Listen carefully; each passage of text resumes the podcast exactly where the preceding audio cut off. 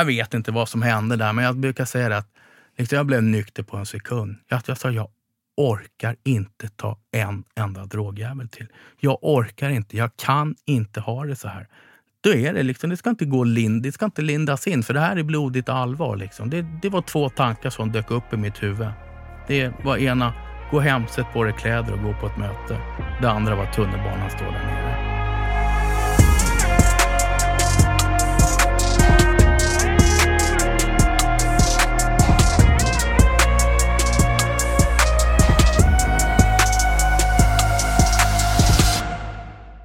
Ja, det är onsdag igen och jag sitter i min gröna favoritfåtölj på Östermalm i Stockholm och jag är så glad och tacksam över att få göra den här podden för att jag har förstått att den hjälper många människor där ute och det gör mig väldigt stolt. Eh, podden heter Hedén med Boman och Granander, en beroendepodd.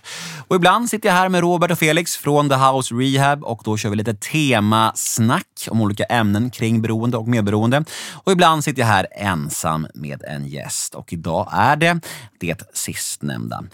Den här podden drog jag igång en gång i tiden för att försöka krossa tabun kring beroende. Försöka hjälpa människor i den mån som vi kan och försöka mm, ja, sprida kunskap om dessa tabu och skambelagda problematiker. Och eh, ja, kan man bidra med något strå till stacken så vill man gärna göra det som tillfrisknad gammal knarkare och det tror jag min gäst kan relatera till.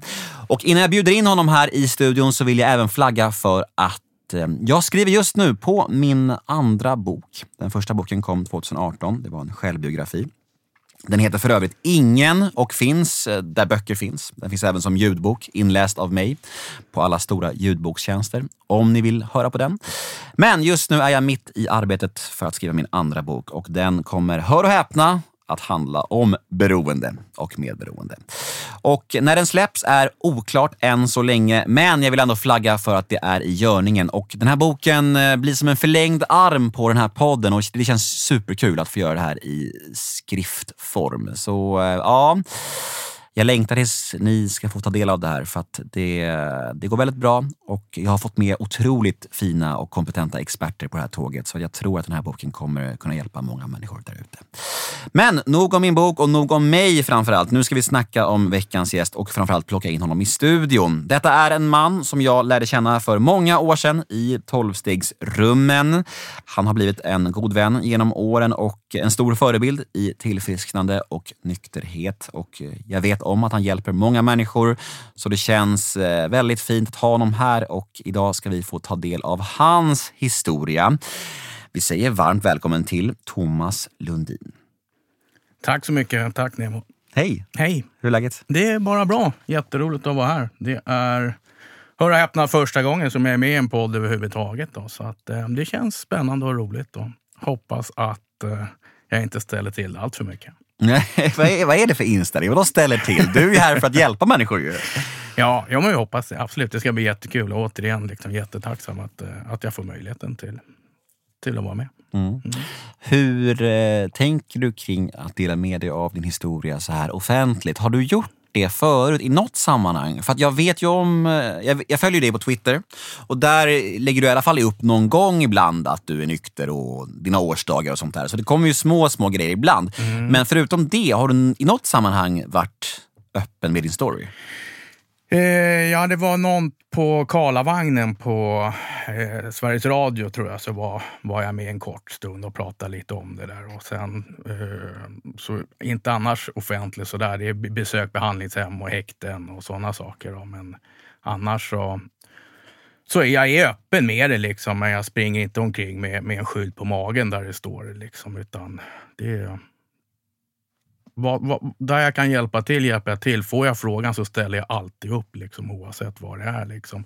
Och är man öppen liksom, i, i, i sociala sammanhang och runt vänner och bekanta liksom, så, så blir det ringa på, på, på vattnet. Liksom. Det händer då och då att någon ringer och har en fråga om någons brors eller någon kompis eller någon själv som ringer. Liksom, där. Utan det, det, det, det är liksom det det handlar om. Liksom, att ens erfarenhet ska kunna hjälpa andra. Liksom. Så att, eh, jag försöker vara så öppen som möjligt där. Så att, absolut. Mm. Nej, men jag har ju mött folk på, på mötena som, som säger att de har kommit in via dig och din Twitter. Så det känns ju superfint att höra såklart. Ja men vad roligt. Ja. Absolut, ja. okej. Okay. Ja, ja, ja. Där ser man. Tyvärr så är de, ty, tyvärr så är de djurgårdare oftast, men eh, det, du vet, även solen har sina fläckar, inte så? Ja, de brukar säga det där faktiskt. Jo, jag tänkte det. Det är, det, det är mest Djurgården och beklagelser och sådär. Så ja, men det är ju tur att liksom det även kommer lite solstrålar emellan. Ja, men, och, jag, och, jag, och jag känner mig som en stor människa som faktiskt bjuder in en djurgårdare hit också. Du är en stor människa Nemo där faktiskt. Jag känner mig ännu större som deltar. Ja, precis. Vi kan ju slå oss själva för bröstet båda två. Då. men, men eh, vad är ditt nykterhetsdatum? Mitt nykterhetsdatum är 30 november år 2008. Mm. Mm. Det börjar bli några år nu. Det börjar bli några år, ja. Precis. precis. Vad va, va, va, kan vi räkna till? Är det... det är 13, va? 13. Mm, mm. Mm. Och hur gammal är du? Eh, jag är 47. Mm. Så då blev du nykter när du var 34? Ja, mm. stämmer. Men låt oss ta en sväng då, mm. down memory lane. absolut, visst gör vi det. Mm.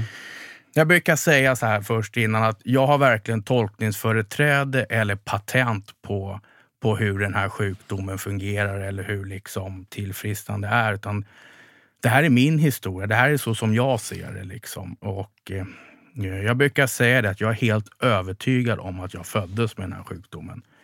Den här sjukdomen är tredelad och en av de delarna är själslig bristsjukdom. Det, det låter lite flummigt och sådär, men liksom, om man, man kan säga att man föddes kanske med ett dåligt ben eller en dålig höft, så är jag helt övertygad om att jag föddes med en okomplett själ. Alltså jag var ängslig, liksom. en, en, en oro. Liksom. Och den här sjukdomen som, som vi har, det, den, den växer bättre, den är mer liksom, eh, påtaglig och överrepresenterad i dysfunktionella miljöer. Men min uppväxt var inte så. Jag hade en alldeles förträfflig uppväxt. Det var, liksom, det var, det var, det var kärleksfullt, det var många kramar, uppmuntrad. Det fanns ingen våld, fanns ingen liksom beroendeproblematik i familjen. Liksom. Om en, den kanske var lite kravlös, men så är jag också ett barn från 70-talet. Liksom. Men Eh, just den här att jag liksom hela tiden visste att jag var ängslig. Liksom. Jag kommer ihåg att liksom, första gången som det blev påtagligt för mig att den här rädslan började liksom att jag behövde göra avkall på saker och ting. Liksom. När jag var liten så fanns det ett tv-program som hette Familjen McKayan. Det var en cowboys, indianer och sånt där skit. Och jag älskade det programmet. Det var liksom, det var the shit liksom. Men det började vid en viss tid på kvällen. Och min största skräck som barn, som riktigt liten, där, var att jag skulle vara ensam vaken i huset. Jag, var livrädd för det, för att jag, det, det, det fixar inte jag. Det, det vill jag inte vara. Så då hade jag räknat ut att om jag såg 45 minuter av avsnittet så skulle jag, skulle jag gå och lägga mig och skulle med säkerhet sova då när resten av familjen eh, skulle gå och lägga sig. Och det där är så här, alltså man började liksom redan där planera. Rädslan började liksom styra. Men återigen, alltså min, min barndom var bra. Liksom. Det var liksom kärleksfull, skolan gick okej, okay, idrott okej, okay, sådana där saker. Liksom. Men det, som sagt, det, det fanns alltid liksom någonting kantigt alltså, där som jag inte visste vad det var. Liksom. Och när vi var 14 år eh, så var jag och några kompisar hemma hos en kompis som vi alltid var hemma hos då. Liksom, där. Man fick käka hur mycket mackor och dricka hur mycket O'boy man ville och sådär. Så det var liksom en samlingspunkt där. Liksom. Fan, vad, fan vilken dröm. Ma alltså mackor och, mackor och O'boy. Alltså. Verkligen. Liksom. Det, är life goal. Ja, verkligen. Mm, faktiskt. Mm. Ja, men så en dag där då, när, när, när jag skulle ta uh, ett, ett, ett, glas ur skåpen där, så, så ser jag att det står en, en, uh, en medicinburk där. Så står det på burken, ta en tablett mot oro, står det. Ja, kopplade jag oro, tabletter. På den här tiden hade liksom, det fanns inte, informationssamhället fanns inte då. Idag vet säkert varenda 13-14-åring oberoende hur de mår att det finns tabletter liksom mot det. Men jag hade liksom inte no någon koll på det. Liksom. Och liksom, det, jag brukar skämtsamt säga, vi tog den där asken. Eh, mina kompisar tog varsin tablett och jag tog resten. Men när jag då tar dem där efter några minuter, när jag tar, alltså jag tog inte alla, men jag tog, jag vet inte, en eller två. Och Nemo, alltså, boom, det blir tyst. Det blir lugnt, det blir stilla. Det är som att varenda muskel i hela min kropp slappnar av. Det är, jag ska inte ljuga, det, det var den bästa dagen i mitt liv. Då. Det är liksom bara ja, befrielse eller någonting där. Och det var inte så att jag liksom blev fullfjädrad alkoholist eller narkoman efter det. Absolut inte. Men sen den dagen så fanns det alltid en tanke på att jag kan genom att ta någonting flytta mig härifrån till hit. Liksom. Det finns någonting eh, som, som, som liksom jag kan göra. Och det var alltså det var en befrielse. Det var liksom en ögonöppnare, en, en game changer i mitt liv. Att det, liksom, det fanns någonting. Och med åren, jag brukar säga det, liksom att jag älskade mina droger. Jag blev mina droger. Det, det var liksom... Det fanns en röd tråd i liksom allting. Som liksom musiken jag lyssnade på, vännerna jag valde, semesterorterna jag reste till. Allting fanns en röd tråd. Liksom, kvinnorna jag attraherades av. Liksom, att det var liksom, den röda tråden var narkotika liksom, i dess form. Och på den tiden, det, det, det, var, det, det var rave, det var skogsrave, det var liksom eh, fullmånsfester i Thailand, allt det där. Liksom. Och jag brukar säga att drogerna funkade länge för mig. Men i, i, de funkade inte så länge som jag trodde. Liksom, utan konsekvenserna kom ganska snabbt. Det fanns aldrig en gräns. Jag blev liksom... Jag kunde aldrig sluta. Började jag ta någonting liksom, så så slut, då, då, tog jag tills det var slut. Liksom. Jag kommer så väl ihåg en gång, när det var jag och en kompis, vi brukade turas om om vem som skulle handla till helgen. Liksom. Eh. Och så liksom började närma sig helgen och jag frågade, ska du eller jag handla liksom, till helgen? Ska vi skaffa du eller jag? Liksom? Då sa han så här, men jag behöver inte för jag har kvar. Och jag tänkte, va? Ja, jag har kvar sen förra helgen. Jag tänkte, så här, vad fan, det kan man ju inte ha. Och där är lite också, tror jag, huvudet på spiken. En alkoholist, narkoman och en icke-alkoholist, narkoman. Jag kunde för mitt liv inte förstå, men det, det är inte så det funkar. Det ska man inte ha. Du kan inte ha kvar liksom. Relaterar. Ja, alltså, hur många jävla efterfester har man suttit på? Folk, folk går liksom hem. Ja, man bara, vad fan går ni hem för? Hallå, vad fan, går ni hem? Ja, ja, Vi har ju droger kvar framför oss. Ja, inte klokt alltså. Nej, nej, precis, precis.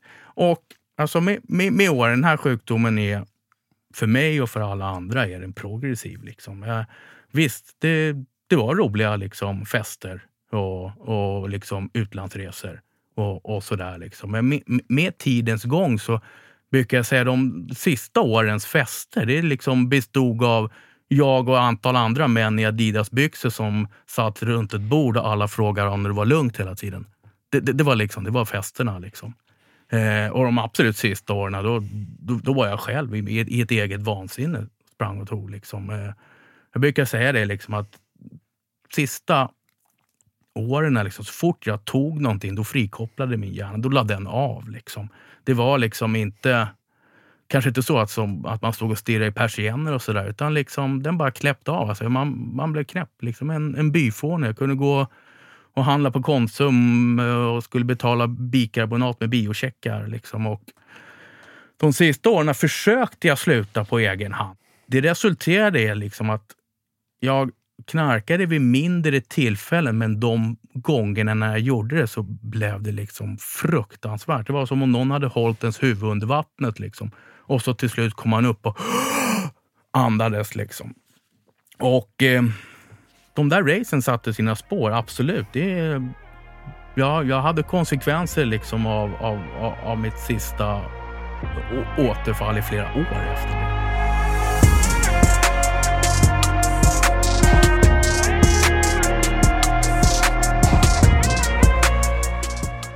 Men hur såg ditt kontaktnät ut mm. under de här åren? När, när, när det började närma sig slutet? Alltså hade du liksom familj, relationer, mm. vänner? Sa folk ifrån mm. eller ja, skött, ja. skött jobb? Och så? Hur såg det ut? Ja, nej, alltså i många år så hade jag allt det där. Liksom, att, eh, man, jag blev ju liksom mästare på att manipulera. Liksom, och de som, som man manipulerade mest var de som tyckte om en som mest. Liksom. Flickvän, familj, vänner, arbetsgivare och så. Men på slutet där så var det så här att min, eh, min bror hade satt besöksförbud. Han ville inte att jag skulle komma och träffa hans familj. Och eh, min morsa och farsa hade sent om sidor, vilket de skulle ha gjort betydligt tidigare. Men både du och jag, vi är föräldrar nu. Vi vet hur, säkert hur svårt det kan vara. De hade tagit nycklarna ifrån mig och sa du får inte ha nycklar här. Och eh, mitt, eh, min arbetsgivare där skulle polisanmäla mig för jag hade varit där någon, någon natt och eh, snott och kvaddat en firmabil och eh, tagit eh, GPSer och sålt och sådär. Så att det var, det var nattsvart. Det var riktigt, riktigt, riktigt nattsvart. Och till saken hör det att liksom, jag, när SIA började här i Stockholm för typ 18 år sedan, då hade min flickvän sett eh, sedermera min, min, min hustru, numera min exfru, men det är en annan historia. Hade hon sett då i en artikel i Metro att eh, SIA hade öppnat. Och liksom, hon sa, kan det här vara någonting för dig? Liksom. Och, eh, eh, jag började gå. Liksom. Jag brukar skämtsamt säga att jag gillade det mesta. Det satt killar och tjejer där som pratade om sånt jag kunde associera till. Liksom, och må dåligt och Finaxlån och titta persienner och sådär. Liksom. Det fanns två saker som jag inte gillade med mötena. Det ena var att jag tyckte de pratade om Gud hela tiden. Vilket de egentligen inte gjorde, men jag tyckte det. Och det andra var att de ville att jag skulle sluta knarka. Annars så tyckte jag var rätt bra. Liksom. Båda de sakerna är ju helt fel. Precis. precis. de vill ju inte att du ska sluta knarka. De berättar ju bara hur de har gjort. Ja, precis, precis. Och det är ju inte ens så mycket Gud. Nej, nej det är det absolut inte. Men nej. jag brukar, brukar säga så att jag inte var redo, men det, det, det är självbedrägeri. Oh, jag var så redo. Jag var så klar där ute så det fanns inte. Och alltså, vi som har den här sjukdomen, eller alla människor såklart, liksom, när man summerar saker och ting så har man ju en tomtesäck med saker och ting som man ångrar i sitt liv.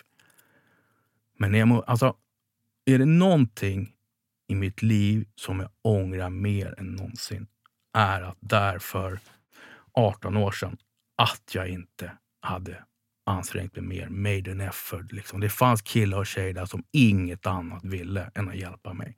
Men liksom, jag stirrade på olikheterna. Jag fokuserade på det jag inte tyckte om. Liksom. Och jag sket i det där och gick ut. Och som jag varit inne på tidigare, sjukdomen är progressiv. Om det var in, illa innan, så de fyra åren som följde var fruktansvärda. Rent fruktansvärda. Att de var fruktansvärda för mig, det, det kan jag ta. Det, det, det, är en sak. Men de var fruktansvärda för de personerna som fanns i min närhet, som tyckte om mig som familj.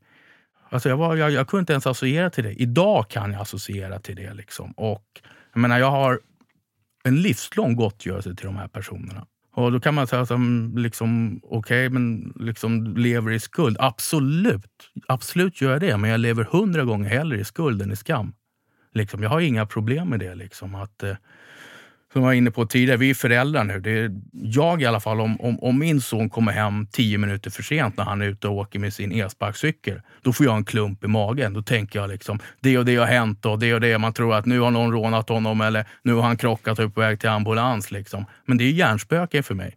Mm. Mina föräldrar och föräldrar till, till barn som missbrukar, liksom, den oron är fullt befogad. Liksom. Vad som helst kan hända. För att jag menar, face it, liksom.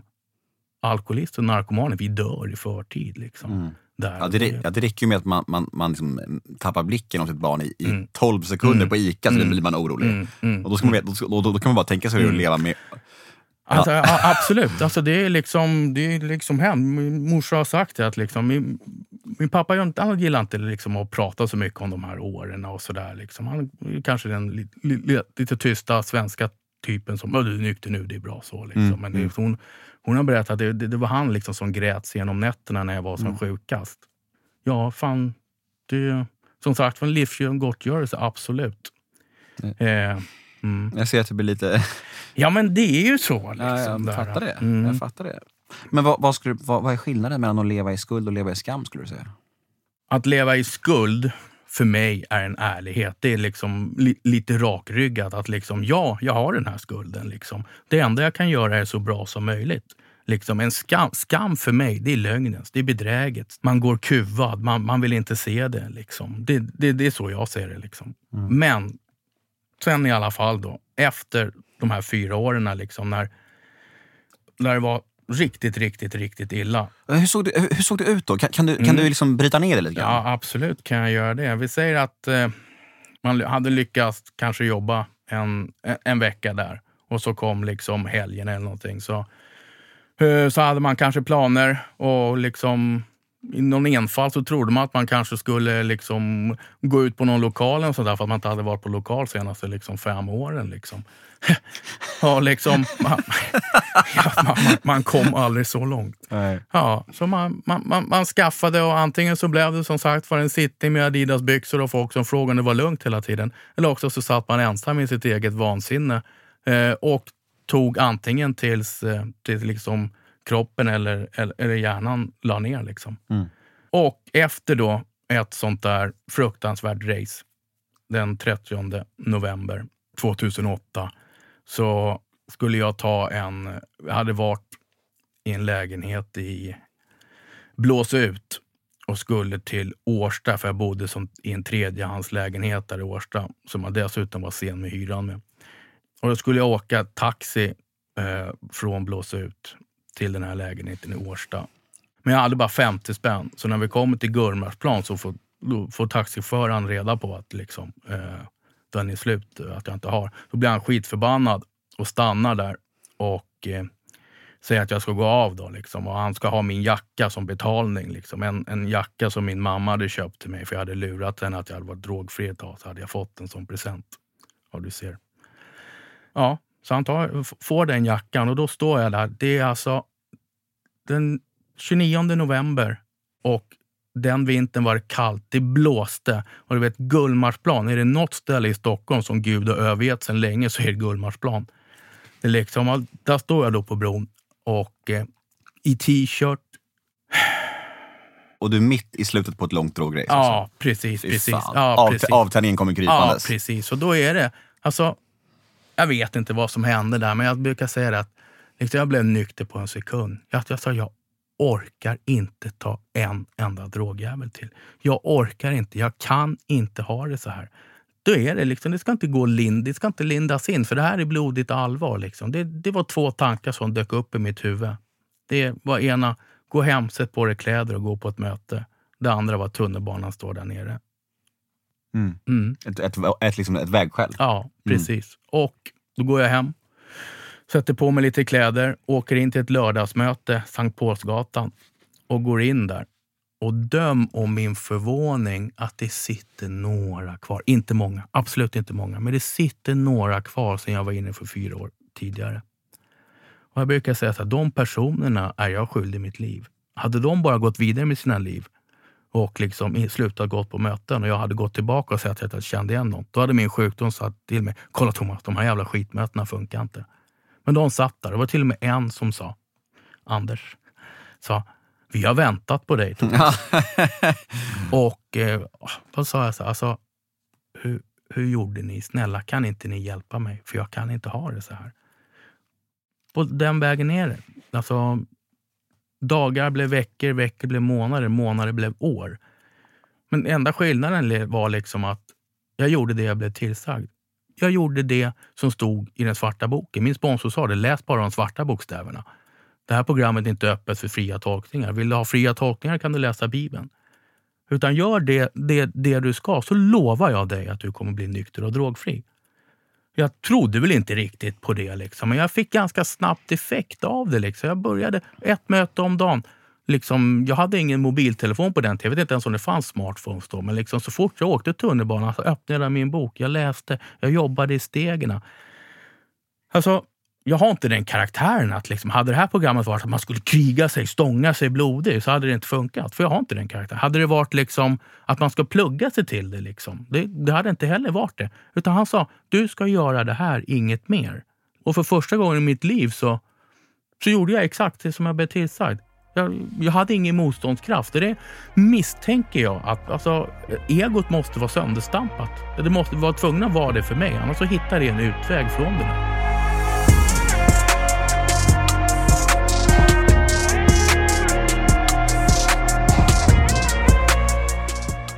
Hur var första tiden? Var, var det tufft? Var du nära återfall eller var du så fast bestämd? Liksom? Alltså första månaden eller någonting var ju egentligen bara, bara en skräck för att liksom, jag var så fysiskt och psykiskt liksom, slagen utav det, det sista racet. där. Men det var också ganska skönt att liksom, jag hade liksom jag hade inga mer att lura. Eller inga, liksom, utan det var ett möte om dagen, träffa honom en gång i veckan och gå igenom. Och Jag brukar säga det också, jag hade, jag hade tur också. Liksom. Jag, jag fick vara kvar på mitt jobb. Jag fick betala den där hyran och bo kvar. Liksom, saker och ting började klicka rätt snabbt till mig. Liksom. Men jag gjorde också vissa, vissa saker som det här med sociala medier och grejer, det fanns ju inte riktigt då. Eller det, det, jag har ingen aning. Men jag skaffade ett nytt nummer och jag hade tre nummer. Jag hade min mammas nummer, jag hade min arbetsgivare och jag hade min före detta flickvän. Det var de, de tre numren hade jag. Liksom. För att visst, det var så. Alltså, jag hade kunnat liksom radera. Det hade jag gjort tusen gånger. Raderat liksom Kranas nummer och såna här saker. Liksom. Men jag menar, lämna och uppväxt, de hade fortfarande mitt. Mm. Och liksom, jag säger, men allt man gör för sin drogfrihet är bra. Precis allting. Det är klart att liksom, du kan skaffa droger om du vill, men allting som du gör för din drogfrihet är bra. Exakt, man bestämmer mm. ju lite själv hur svårt det ska mm. vara. Ja. Det är verkligen så. Ja. Alltså om man raderar sitt nummer och byter mm. nummer, mm. då blir det lättare. Mm. Om du liksom undviker de stökigaste festerna, då blir det lättare. Om du går på tre möten om dagen, då blir det lättare. Ja. Alltså det är så här, eller så kan du välja att inte göra de här sakerna, då blir det garanterat svårare. Precis, precis. Nu var liksom inte alkohol var inte min huvuddrog. Jag hade aldrig gillat det. Jag tyckte det kändes som jag fick feber och ville skulle gå över. Men ibland så, och det är också min personliga, så kan jag liksom haja till lite grann när folk är nya i sin nykterhet. Och de säger att eh, jag var på krogen igår och det gick bra. Eller jag var på en fest och det gick bra. Um, någonting i mig säger att ja, du kanske inte tar din nykterhet på största allvar. Liksom. Varför ska du ut och simma i havet när du håller på att drunkna i duschen?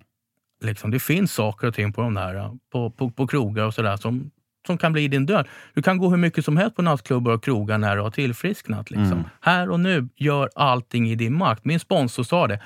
Och då garvade jag lite först och då sa han så här, vad skrattar du åt? Liksom. Han sa så här, om du går på gatan och du tittar in på en restaurang och du tycker det ser trevligt ut, då ska du gå på andra sidan gatan. Om du går på gatan och du möter någon som på något vis kan hindra din drogfrihet, då ska du vända på och springa för ditt liv därifrån. Mm. Och lite, lite så är det. Exakt. Mm. Minimera riskerna. Ja. För det finns liksom ingen anledning, anledning för oss när vi är i början på vår nykterhet att hålla på och eh, jinxa någonting. Nej. Varför ska vi göra det för? Mm. Alltså, mm. Vi har ju, om vi är desperata nog, som du vittnar om här, mm. eller som jag var i början. Mm. Man är desperat efter en lösning. Då finns liksom inget skäl att mm. hänga på en krog, eller att hänga med stökiga kompisar. Eller liksom någonting som kan trigga ens nykterhet. Mm. Det är ju så. Men, det, men, men, men, men, som du säger, det finns ändå människor som bara så här, ja, ja, men de vill, vill så gärna testa det där. Och så här, Ah, du, du gör vad du vill, men jag kan säga till dig att du, du, du leker med elden. Liksom. Mm, mm. Ja, men precis. Och då lite återkomma att allting som man gör för sin nykterhet ger ett bra självförtroende i stegarbetet och nykterheten. Oavsett om det liksom kanske inte har någon avgörande effekt. Så allt man gör liksom är, är bra. Liksom. Och jag fick också, alltså, jag gick inte på fotboll på tror jag, ett, ett och ett halvt år. Liksom. Kanske inte därför att det, det, skulle leda till någonting. Men jag märkte att jag mådde inte bra. Man ska försöka leva i kärlek och tolerans och så sitter man i 90 minuter och omger sig med horungar och domarjävel och vi ska hugga er efter matchen. Alltså det, ja, det var en anspänning för mig. Men det är sådär också. En, en god vän till mig, alltså, jag pratar mycket om det nu, men han, han sa till mig så här, när jag skulle bli nykter och drogfri, så sa han till mig så här, men då vet jag om vi någon gång ska ha en alkohol och drogfri fest så ringer vi dig ja, men, men, det, är, det är väldigt roligt. Uh, men, men vad jag vill tillägga också till alla lyssnare är att det här är ju, vi pratar ju om nu i början på vår nykterhet. Mm. Alltså om man känner att man vill ja, men, hänga med firmorna eller gå på rave eller vad man nu vill när man sen har tillfrisknat. Mm. Då kan man ju göra det såklart. Mm. mm. För när man väl har tillfrisknat, och det kommer vi komma till, när man väl har gjort de tolv stegen och liksom har tillfrisknat och, och blivit fri från det här vansinnet, då är du ju fri. Mm. Och Det är det som är så mm. ofattbart att tänka sig när man är i missbruket. Mm. Och då kan jag hänga kring alkohol och droger mm. sen? Alltså så här, Om man nu vill det. Alltså jag personligen har inte så mycket behov att göra det. Jag, jag har väldigt sparsamt med just det livet i mitt liv. Alltså jag, jag hänger sällan på krogen eller i de miljöerna. Men om jag har skäl att gå till en 30-årsfest eller vad som helst, då kan jag gå dit. Och jag känner mig fri och jag känner mig lugn och jag känner mig trygg. Liksom, För att jag har det här programmet i ryggen. Och det är ju... Mm. Nej, men absolut, det, det är jättebra precis det du säger också. Att själva tanken och meningen med det här programmet är att vi ska kunna vara vart som helst, med vilka som helst, under vilka omständigheter som helst och ändå vara fria och ändå liksom behärska. Jag menar, nykterhet är en sak. Alltså, man kan göra vem som helst nykter och drogfri livet ut. Sätt honom i en grotta och lås dörren. Han kommer aldrig ta en drog med i hela sitt liv. Det, det handlar om liksom att kunna leva ett helt normalt liv utan det där. Alltså det här programmet har, har, har gett mig liksom ett liv bortom mina vildaste förväntningar.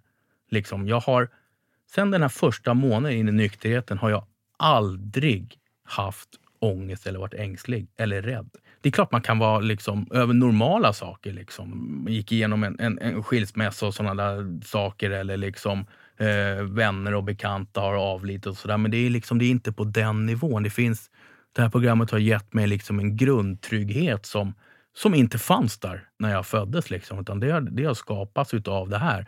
Och det har det gjort hos dig också, Nemo. Jag kommer ihåg när du kom in. Det är inte samma person. Du var jätterar, men du var också jätterädd och, och, och jättetrasig. Liksom. Men det är ingen slump att du blev nykter och drogfri. Det har inte med tur eller otur eller liksom att, eh, att du eller någon annan, jag är smartare än någon annan. Utan det du gjorde, du gjorde vad du blev till. Du gjorde programmet. Och det är det det. Det här programmet funkar för alla som gör det.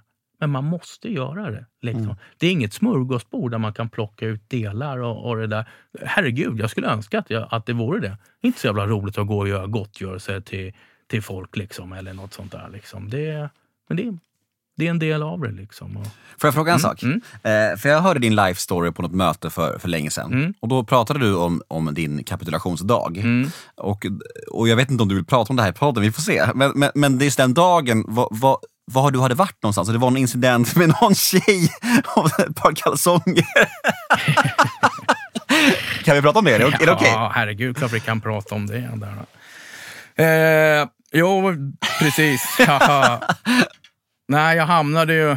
Jag var mitt i ett race och av någon anledning så hade en eh, kvinna som jag var ihop med när jag gick på gymnasiet på den tiden hade fått upp kontakten. Vi hade börjat prata på telefon eller någonting. Jag kommer inte riktigt ihåg vad, vad, vad det var där. Liksom. Och, eh, så när jag är mitt i mitt race så ringer hon och så frågar hon liksom om, om jag har lust att komma till Blåsa ut där. För att liksom, hon hade väl förhoppningar om att umgås och som singla människor umgås liksom, på, på den tiden. Jag vet inte vad jag hade förhoppning om. Liksom.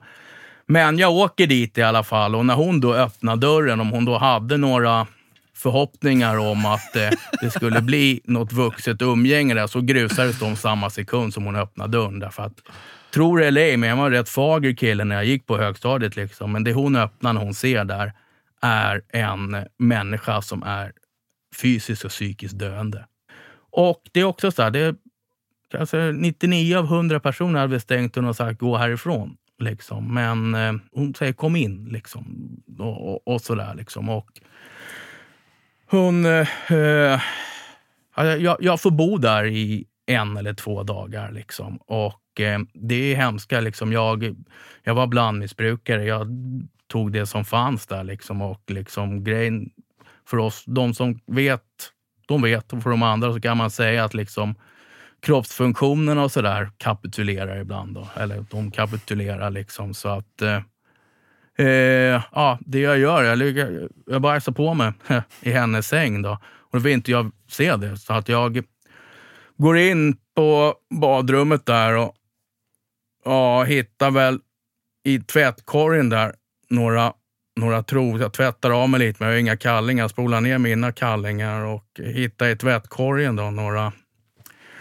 såna här, några trosor då, av, som jag också har förstått är som, av den modellen som kvinnor har en gång i månaden. Då, som går under något namn av menstrosor. Mm. Sloggy, hudfärgade. Och de låg i tvättkorgen. Och det här var liten. Jag är också liten, men inte så liten. Så det var ju ja, var extra små då, så de, de satt inte så där jätteskönt. Då. Eh, och det är de då som, som jag har på mig då när vi åker i den här taxin och sedermera får gå ut. Då, så att det bidrog väl lite till, till kapitulationen. Liksom, att jag, jag står där liksom, i t-shirt, minusgrader, Gullmarsplan och ett par illasittande, nerblodade, sloggy, hudfärgade trosor. Där slutade liksom det. Och det är, vi pratar ändå om en kille som föddes med alla bra förutsättningar. Liksom. Det. Och att jag bad dig berätta om den här detaljen var inte för att på något sätt hänga ut dig. Det handlade, det, det handlade snarare om att eh, det skänker en extra dimension till hela historien. Det gör verkligen det. Att det alltså hur uppgivenheten i, uppgivenheten i den Thomas som stod på Gullmarsplan liksom, mm. och hur extrem situationen var. Eh, ja, det är, det, det är starkt. Ja, precis. Det, ja, abs, ab, absolut. Nej, men det, man måste också få in lite liksom det, man, man, måste kunna garva åt det ja, också. Gud, liksom. ja. alltså, Thomas, Thomas så här, jag har också bajsat i, i, i, i tjejers sängar. Så jag kan säga det för att liksom så här, göra 1-1 här. Så det är liksom... Ja, men å andra sidan, nu sitter jag här i en podd med en bajare så jag vet inte hur mycket värdighet jag egentligen har kvar att förlora. Liksom. Nej, nej, nej, exakt. Mm. Men du får tänka på det goda syftet. Ja.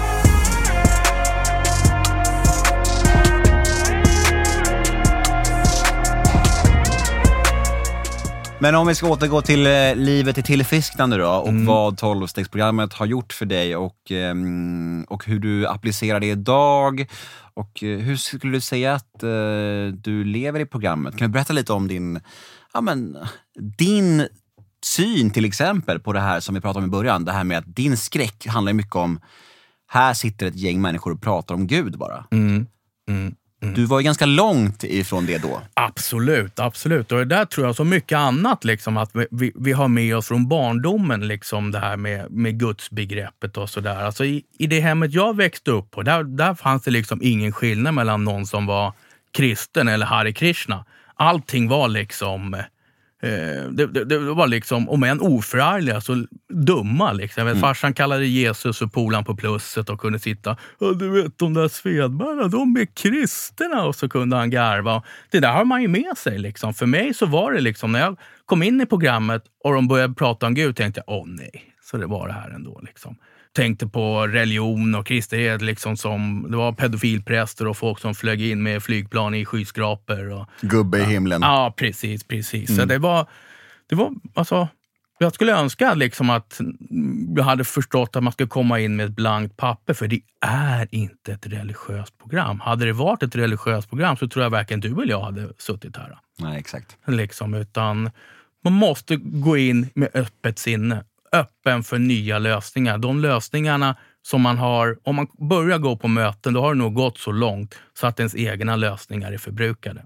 Mm. Mm, det tror jag. Och då måste man ha ett öppet sinne. Liksom att, ja men om man kanske provar det här. Liksom. Mm. Är den dörren helt stängd, då blir det tungrot och tillfriskna. Ja, egentligen är det faktiskt så, om man ska hårdra det, att man har ju nästan gjort steg två genom att ens komma till ett möte. Mm. För att det handlar om att komma till tro på någonting. Mm. Och, då, och då har man ju faktiskt gått till ett möte, för där tänker man att här kanske finns en lösning som på något som jag inte kan greja själv. Mm. Och egentligen behöver man inte göra det svårare än så. Mm. Till, till en början. Mm. Och sen så är det ju så att för många av oss har utvecklats den här tron genom åren och med tiden och vissa hamnar i kyrkan och allt sånt där. Vad det nu är. Mm. Och det är fine med allt. Mm. Men jag menar att man behöver absolut inte stirra sig blind på ordet Gud eller på det här med tro eller någonting. För att det är inte det som man får för sig innan. Mm.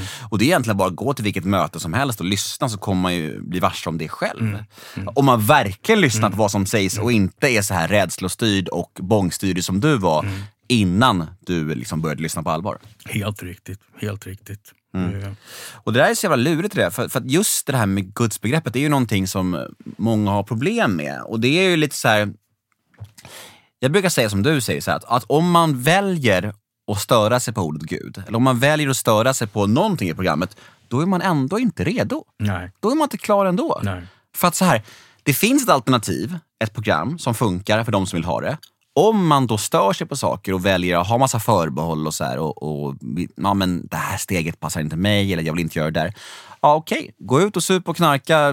Gå och kör på då. Mm. Här finns vi när du är redo. Liksom. Som för dig. De fanns där när du var redo. Liksom. Mm. Ja. Ja. För att om man verkligen är desperat efter en lösning, som du och jag har varit, då kommer man ju inte stirra sig blind på saker. Mm. Nej. Då kommer man ju bara tänka så här: okej, här sitter människor som har blivit nyktra och drogfria. De vet hur man gör och det är allt som betyder någonting. För jag vill inte dö. Mm. Nej. Jag vill inte dö. Jag vill, jag vill, jag vill liksom bli, bli, bli kvitt den här jävla skiten. Mm. Då spelar, då, då, och, och just den här desperationen, det tror jag fan var min räddning i alla fall. Ja. Jag tror det.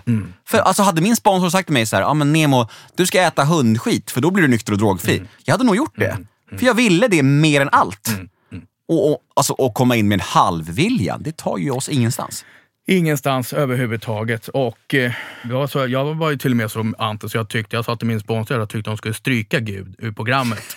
Och då, Bara för, dig, bara för dig då eller? Precis, precis. Och då sa han, var, han sa inte så här, haha, är du dum? Utan han sa bara, alltså, jag tror man ska vara väldigt försiktig innan man går in och ändrar i det här programmet. sa han. Liksom, där, inget mer. Utan, vi kör på det här. Liksom. Ja. Så här är ett program som är 80 år gammalt, som har hjälpt miljoner missbrukare. Men vi testar att ändra en sak, så ser vi om det blir bra. Ja, ja det är bra. Eh, vi ska koppla in Robert och Felix från The House Rehab för att svara på en lyssnarfråga. Och segmentet heter The House svarar.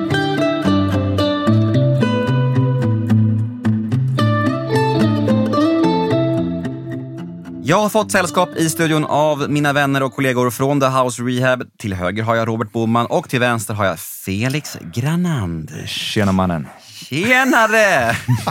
Gud vad fint att ni är här igen. Ja, det är jättetrevligt att vara Ja, här. det är så mysigt när ni kommer hit och tillsammans ska vi med. försöka, ja, Gör vårt absolut bästa. vi ska försöka svara på någonting. Ja, vi, vi, vi, vi ser om vi lyckas. Ja. Vi testar. Testa.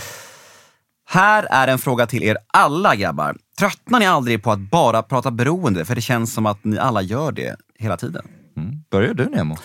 Det kan jag göra, för det här är något som jag har funderat mycket på. Mm. Och något som många faktiskt frågar mig om också. För det blir ju så eh, när man har gjort den här resan och tagit sig ur det helvetet som beroende är. Att det blir liksom per automatik ens hjärtefråga på något sätt. Nu talar jag bara utifrån Mm. mig själv, men, men jag känner att det blir så. Och eh, självklart kan man känna ibland så här, okej, det är bara det här tjatet om beroende, hej och hej och hej och. Men samtidigt så är det så pass viktiga saker att även när jag känner mig trött på mig själv och hela min historia och allt det här så känner jag ändå att det väger över när man tittar på den skillnaden, lilla skillnaden man får göra. Att man får chansen att hjälpa människor. För det är så här, klart man är trött på sig själv, men det är väl alla människor tänker jag ibland. Och det är samtidigt en terapi för mig att på så sätt, genom att snacka om min historia och om beroende, så håller jag mig nära min historia Exakt så. och får påminna mig själv om vart jag kommer ifrån. Det blir en extra livlina för mig. Liksom. Så, för, så för mig väger det, det goda över det onda, verkligen. Och jag tror att det här är helt individuellt också. För oss som kommer från en viss plats och har en viss historia med det ämnet som vi pratar om så finns det såklart kanske en annan passion i ämnet. Och det, den, det är ju en passion man inte behöver ha varit beroende för att känna utan man kanske har haft en anhörig som har varit beroende också. och Sådär. Men däremot så finns det ju människor som har kommit från ett beroende som totalt har tröttnat på att prata om den här skiten. Och vill göra något annat liksom. Eller prata om annat och att livet inte ska bli väldigt mycket beroende. För mig själv så tror jag att det är ju just ur ens egna historia som man hittar den här lite speciella elden att fortsätta prata om något, fortsätta lära sig. Men speciellt utveckla ämnet. Utveckla diskussionen, utveckla hur vi ser på det här, utveckla tonsättningen kring det. Och att liksom på så sätt vara en drivande faktor i att kunna hjälpa fler. Mm. Vilka fina svar ni har. Jag har faktiskt aldrig tröttnat på att prata om beroende.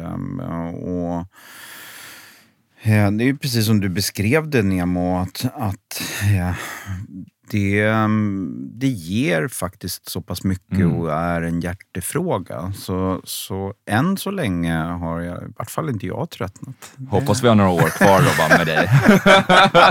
Det, har vi garanterat. Och för mig personligen så blir det också en extra tändvätska när man blir varse om att det fortfarande förekommer så otroligt mycket missförstånd kring hela sjukdomen Mm. Exakt och, så. och alla, de här, så. alla de här fördomarna. Så här, det blir liksom så här, det sporrar liksom. Mm. Jag måste fortsätta sprida kunskap. Det blir ju ett ansvar. Ja men verkligen, det blir ju så. Ja, men det, du berör någonting viktigt där, därför att det finns ju fortfarande så otroligt mycket fördomar och missförstånd. Och, och, och det är precis som du säger, att, att det gör hela det här ämnet, det, det är aktuellt hela tiden. Ehm, Och en annan sak kring det där är ju stigmatiseringen. Jag tror det är viktigt att vågar man ställa sig liksom och äga sin historia och äga sitt sjukdomstillstånd och våga prata om de här grejerna öppet.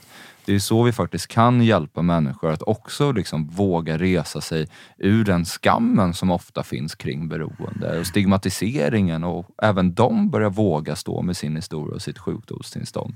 Eftersom det är ett så stigmatiserat problem så är det ju ganska få som öppet väljer att både väva in kunskap men även sin egna historia i diskussionen. Däremot kan det ju hända att när man just berättar sin egen historia.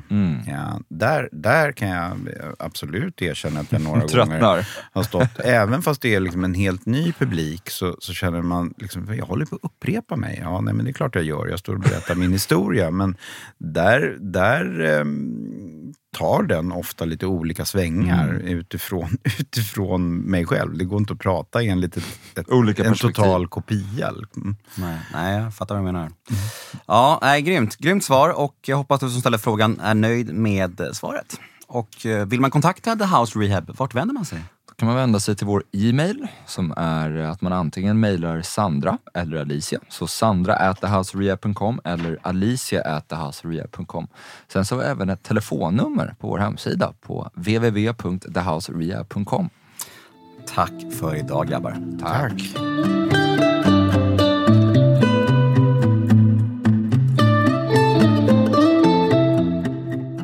Tack Robert, tack Felix och eh, tack till dig som ställer frågan. Hoppas du är nöjd med ditt svar. Jag sitter här med min gode vän Thomas från eh, Tolvstegsvärlden och vi har pratat om hans historia och det har varit en eh, omskakande tripp. en, en sund tripp. Förr i tiden var det ganska osunda trippar vi hade det. Men nu är det sundare trippar när man får hänga med och lyssna på folks resa från kaoset till eh, ja, harmoni och tillfrisknande. Hur känner du när du går tillbaka så här i tiden och, och verkligen eh, pratar om det? För nu har du, det är en sak att sitta på ett möte och dela med sig i 20 minuter, men nu har du suttit här i 45 minuter och pratat om din story inför 10 000 lyssnare.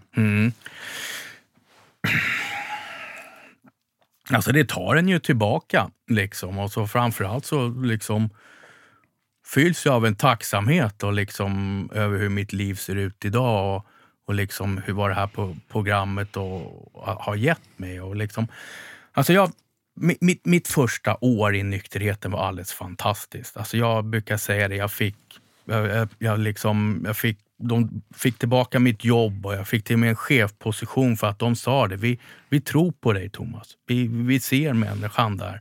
Min flickvän tog tillbaka mig och liksom eh, blev sedermera liksom min fru och,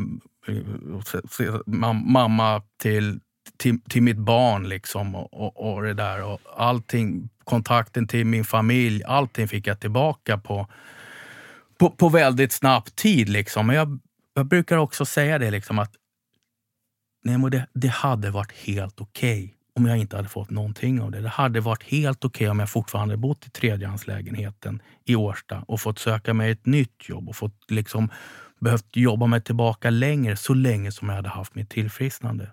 Det är liksom i slutändan det, är det enda som betyder. Har jag inte det så har jag ingenting alls. Liksom. Och åren har gått liksom, och det har liksom man kan, jag kan hantera vad som helst. Liksom. Jag, jag tappade bort en, en underbar fru längs vägen. Liksom. Och liksom en, och sådana saker går folk igenom. Liksom. Men det, det är okej. Okay.